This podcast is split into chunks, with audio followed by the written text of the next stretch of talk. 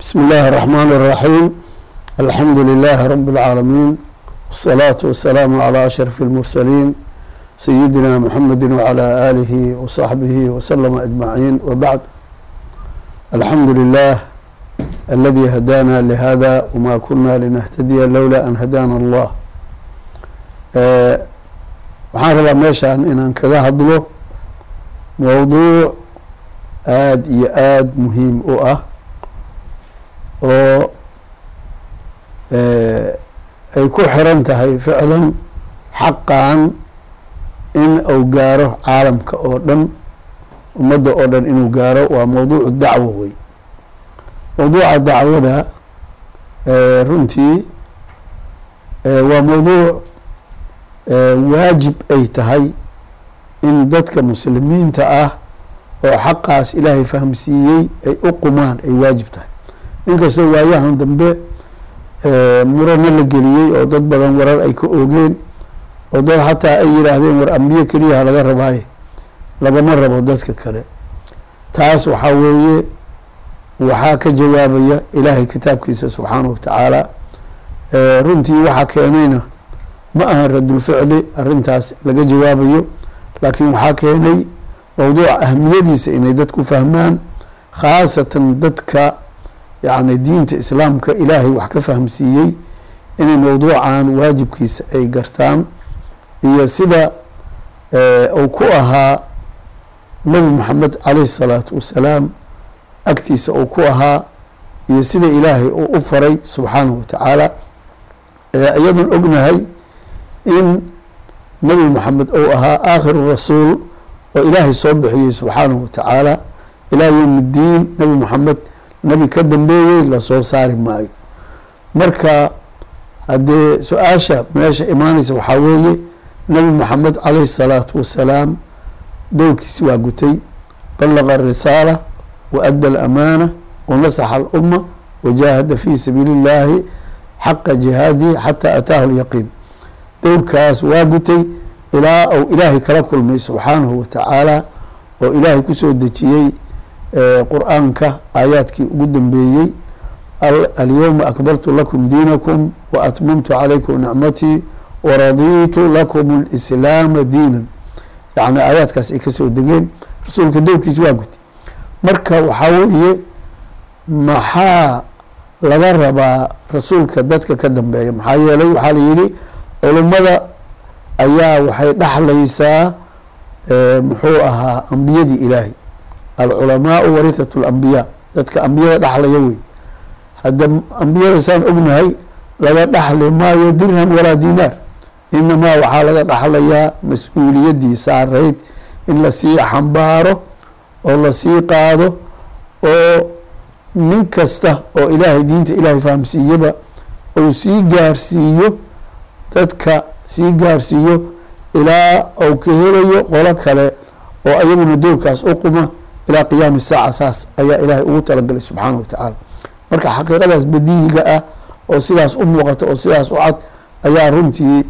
waxay noqotay in dad badan mugdi laga geliyey oo maxaa looga baahan yahay? In maaragtay xaqa loo istaago oo dacwo loo istaago dacwadii iyo diintii dadku waa haystaan. Mar walbana waxaan ognahay markii fadro la joogo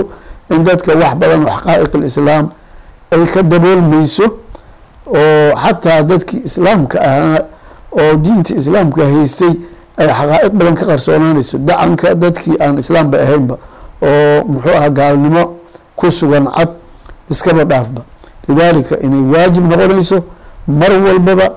in ilaahay subxaanahu watacaala diintiisa dadka la gaarsiiyo. Walidaalika waxaan qaadanaynaa annaga warka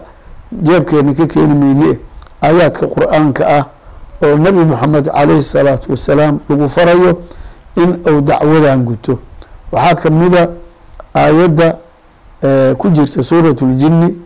oo ilaahay leeyahay subxaanahu watacaala qul nabi moxamedow waxaa tidhaahdaa lan yujiiranii min allahi axad walan ajida min dunihi multaxad ilaa balaaga min allahi wa risaalaatih nabadgelyo maba jirtaba ilaahay wax iga badbaadinaya male meel aan ilaahay ka magan gelayana male ilaa balaaqa min allahi wa risaalaatih inaan balaaq la imaado gaarsiin allah xaggeed ka socoto maxaa yeelay waa tii aayad kale tiri wamaa cala arasuuli ila albalaaqu lmubiin balaaqaas mubiinka oo cad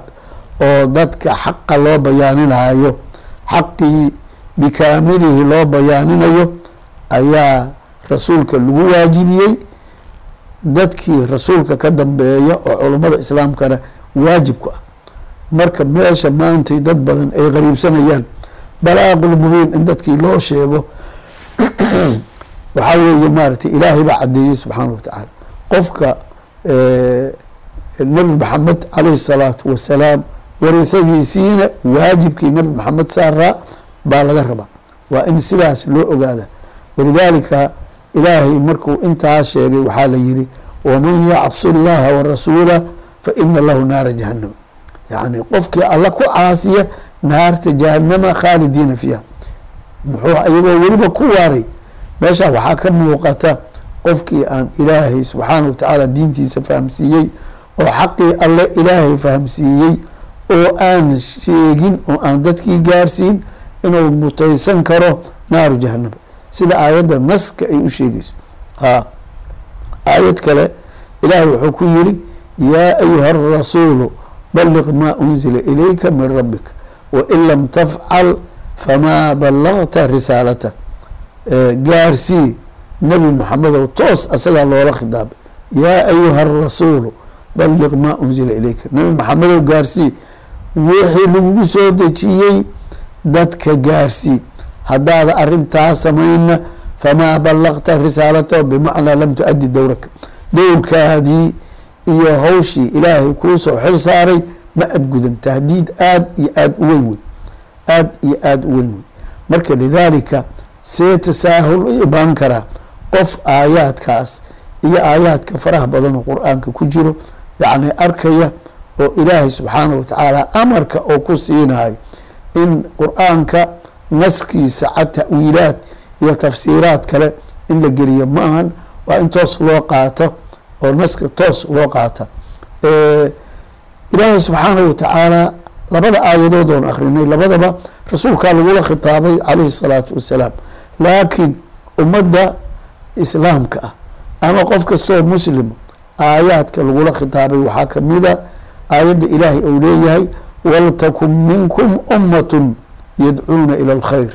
wayamuruuna bilmacruuf wayanhawna cani lmunkar wa ulaaika hum lmuflixuun ha ilaahay subxaana wa tacaala ha in ka mid noqoto ummatun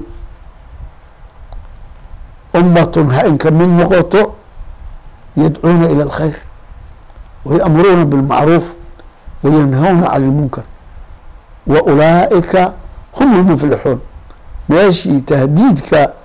uu socday oo lalahaa waman yacsi illaha warasuulahu famaa ballaqta risaalatahu dadkan waxaa la yiri dadka liibaanaya waa iyaga. Maxaa yeelay dowrkooday guteen ummad dadka khayrka u sheega amarka ilaahay wuxuu amray dadka u sheega ilaahay waxuu reebay dadka ka reeba dadkaas weeye inay soo baxaan waajibay ku tahay. Weliba yacni aayaadkaas marka ay hadlayaan waa mar dowlad islaam ay jirtay oo ilaahay subxaanahu watacaala sharcigiisa lagu maamulayey dhulka lagu maamulayay laakiin maantay oo sharcigii ilaahay la laalay oo kor loo laalay maantay waxay noqonaysaa waajib oo fardul cayna ayay noqonaysaa. Oo muxuu ahaa maantay aan qof ka fankan kara oo xaqaan fahmay oo ka seexan kara oo dad kale ku hadlayn kara ousan jirin. Sida maaragtay muxuu ahaa aayadda ay ishaarayso ama aayaadkii hore aan ka fahmin. Waxaa kaloo ka mid a aayaadka sheegaya ilaahay subxaanahu watacaala sifaadka mu'miniintaba inuu ka dhigay inay dadka macruufka farayaan munkarkana ay ka reebayaan. Kuntum khayra ummatin ukhrijat linnaas ta'muruuna bilmacruuf watanhawna cani lmunkar watu'minuuna billah. Walow aamana ahlu lkitaabi lakaana khayra lahuma ilah yiri subxaanahu watacaala marka waxaa weeye in macnaha dowrkaas la guto oo dadka mu'miniinta ah muwaasafaadkooda ilaahay ku tilmaamay oo mutamayiziinta ay uga yihiin mujtamaca intiisa kale ama dadka kale oon ilaahay diintiisa fahamsaneyn ay mutamayiz uga yihiin ayaa aayaddaasna tilmaamaysa. Walidaalika waxaan arkaynaa arrintaasu takliif khatiir ah oo waajib ay ku tahay qof kastaba qofkii arintaas ka soo bixi waayana in uu mutaysan karo ciqaab. Cadaab ilaahay cara ilaahay qadab ilaahay inuu mutaysan karo. Macnahaas qofkii tahaawun ku sameeya waa qof maaragtay diinti ilaahay tahaawun ku sameeyey. Arintaasna yani sidii rasuulka calayhi salaatu wasalaam uu ugu istaagay ayaan garanaynaa oo ay tahay inaan ku raacno. Sidii rasuulka uu yihi calaykum bisunatii wa sunati اlkhulafaaءi الraashidiin caduu calayha binawaajid macnaha sidii rasuulka calayh الsalaatu wasalaam sidii loo yiri istaag mana sanaanay yaa ayuha اlmudathiru qum faandir warabaka fakabir wahiyaabaka faطahir warujza fahjur bal inta awaamir isdaba socota oo nabigeena la farayo calayhi الsalaatu wasalaam bal fiiri marka waxaa weeye dadka mu'miniinta ah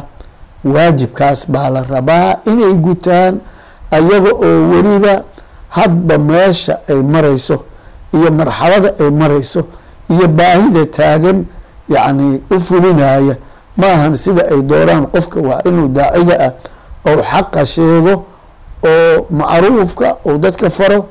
oo munkarka ou ka reebo. Mana ahan inuu sida uu rabo uu asagu yeelayo oo wuxuu rabo xadfaayo oo wuxuu rabo muxuu ahaa ku darayo oo wuxuu rabo ku idaafeynayo laakiin waa in muxuu ahaa ilaahay subxaanahu watacaala kitaabkiisa waa inuu ka qaata. Kitaabka ilaahay waa inuu ka qaata. Ilaahayna subxaanahu watacaala markuu ka sheekeynayo usluubka ay tahay qofka muminka inuu dacwadiisa u guto wuxuu yihi udcu ilaa sabiili rabbika bilxikmati walmawcidati alxasana xikmo ku gudo. Ilaahay subxaanahu watacaala dariiqiisa dadka ugu yeer baa li udcu ilaa sabiili rabbika. Ilaahay dariiqiisa dadka ugu yeer oo diinta ugu yeer oo xaqa ugu yeer dadka adiga oo weliba xikmad adeegsanaya. Alxikma adigoo adeegsanaya bilxikmati. Xikmada maxay tahay? Wadcu shayin fii maxaliha in shay walbaba fii maxalihi la dhigo. Shay walbaba maxalkiisa la dhigo ummaddan maanta maxay u baahan tahay xikmadda taasay keenaysa. Iyada oo maantay usuulu diini ay dadku u baahan yihiin in diintii usuusheedii lagala hadlo oo tawxiidkii lagala hadlo oo caqiidadii lagala hadlo oo waxyaabo badan oo dadka dheeh ka galay in loo soxo in muxuu ahaa furuuc iyo waxyaabo aan ka mid ahayn asaasiyaadkii diinta bal furuuca oo haddii maanta xataa qofka ay ka maqan tahay muxuu ahaa beri looga kabi karo oo looga hadli karo yacni in aad tiraahdo ayadaan ka hadlaya usuushii diintana in laga hadlo waa inkiraya taas wax waxaa weeye aan sax ahayn oo khilaafsan sida aayaddu sheegayso udcu ilaa sabiili rabbika bilxikma walmawcidati alxasana mawcido wanaagsan oo dadka anfacaysa oo dadka munaasab u ah in dadka la yiraahdaa la rabaa oo looga hadlo. Marka lidaalika waxaan leenahay maantay